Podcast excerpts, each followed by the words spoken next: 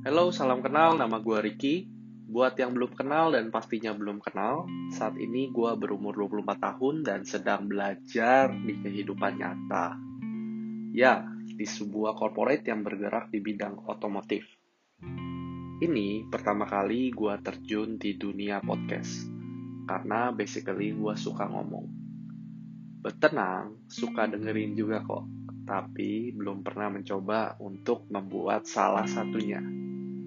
Kebetulan momen ini merupakan momen yang tepat untuk gue mengisi kegiatan work from home. Di podcast ini, gue akan berbagi apa pun yang gue tahu, meskipun umurnya belum seperempat abad gitu ya, baik terkait dengan work, life, love, education, or anything.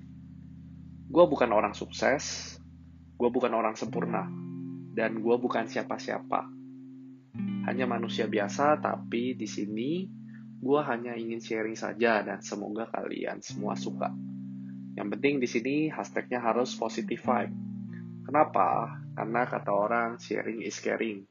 Dan gak sedikit orang bilang ilmu itu mahal. Ya mungkin betul sih. But gue gak setuju.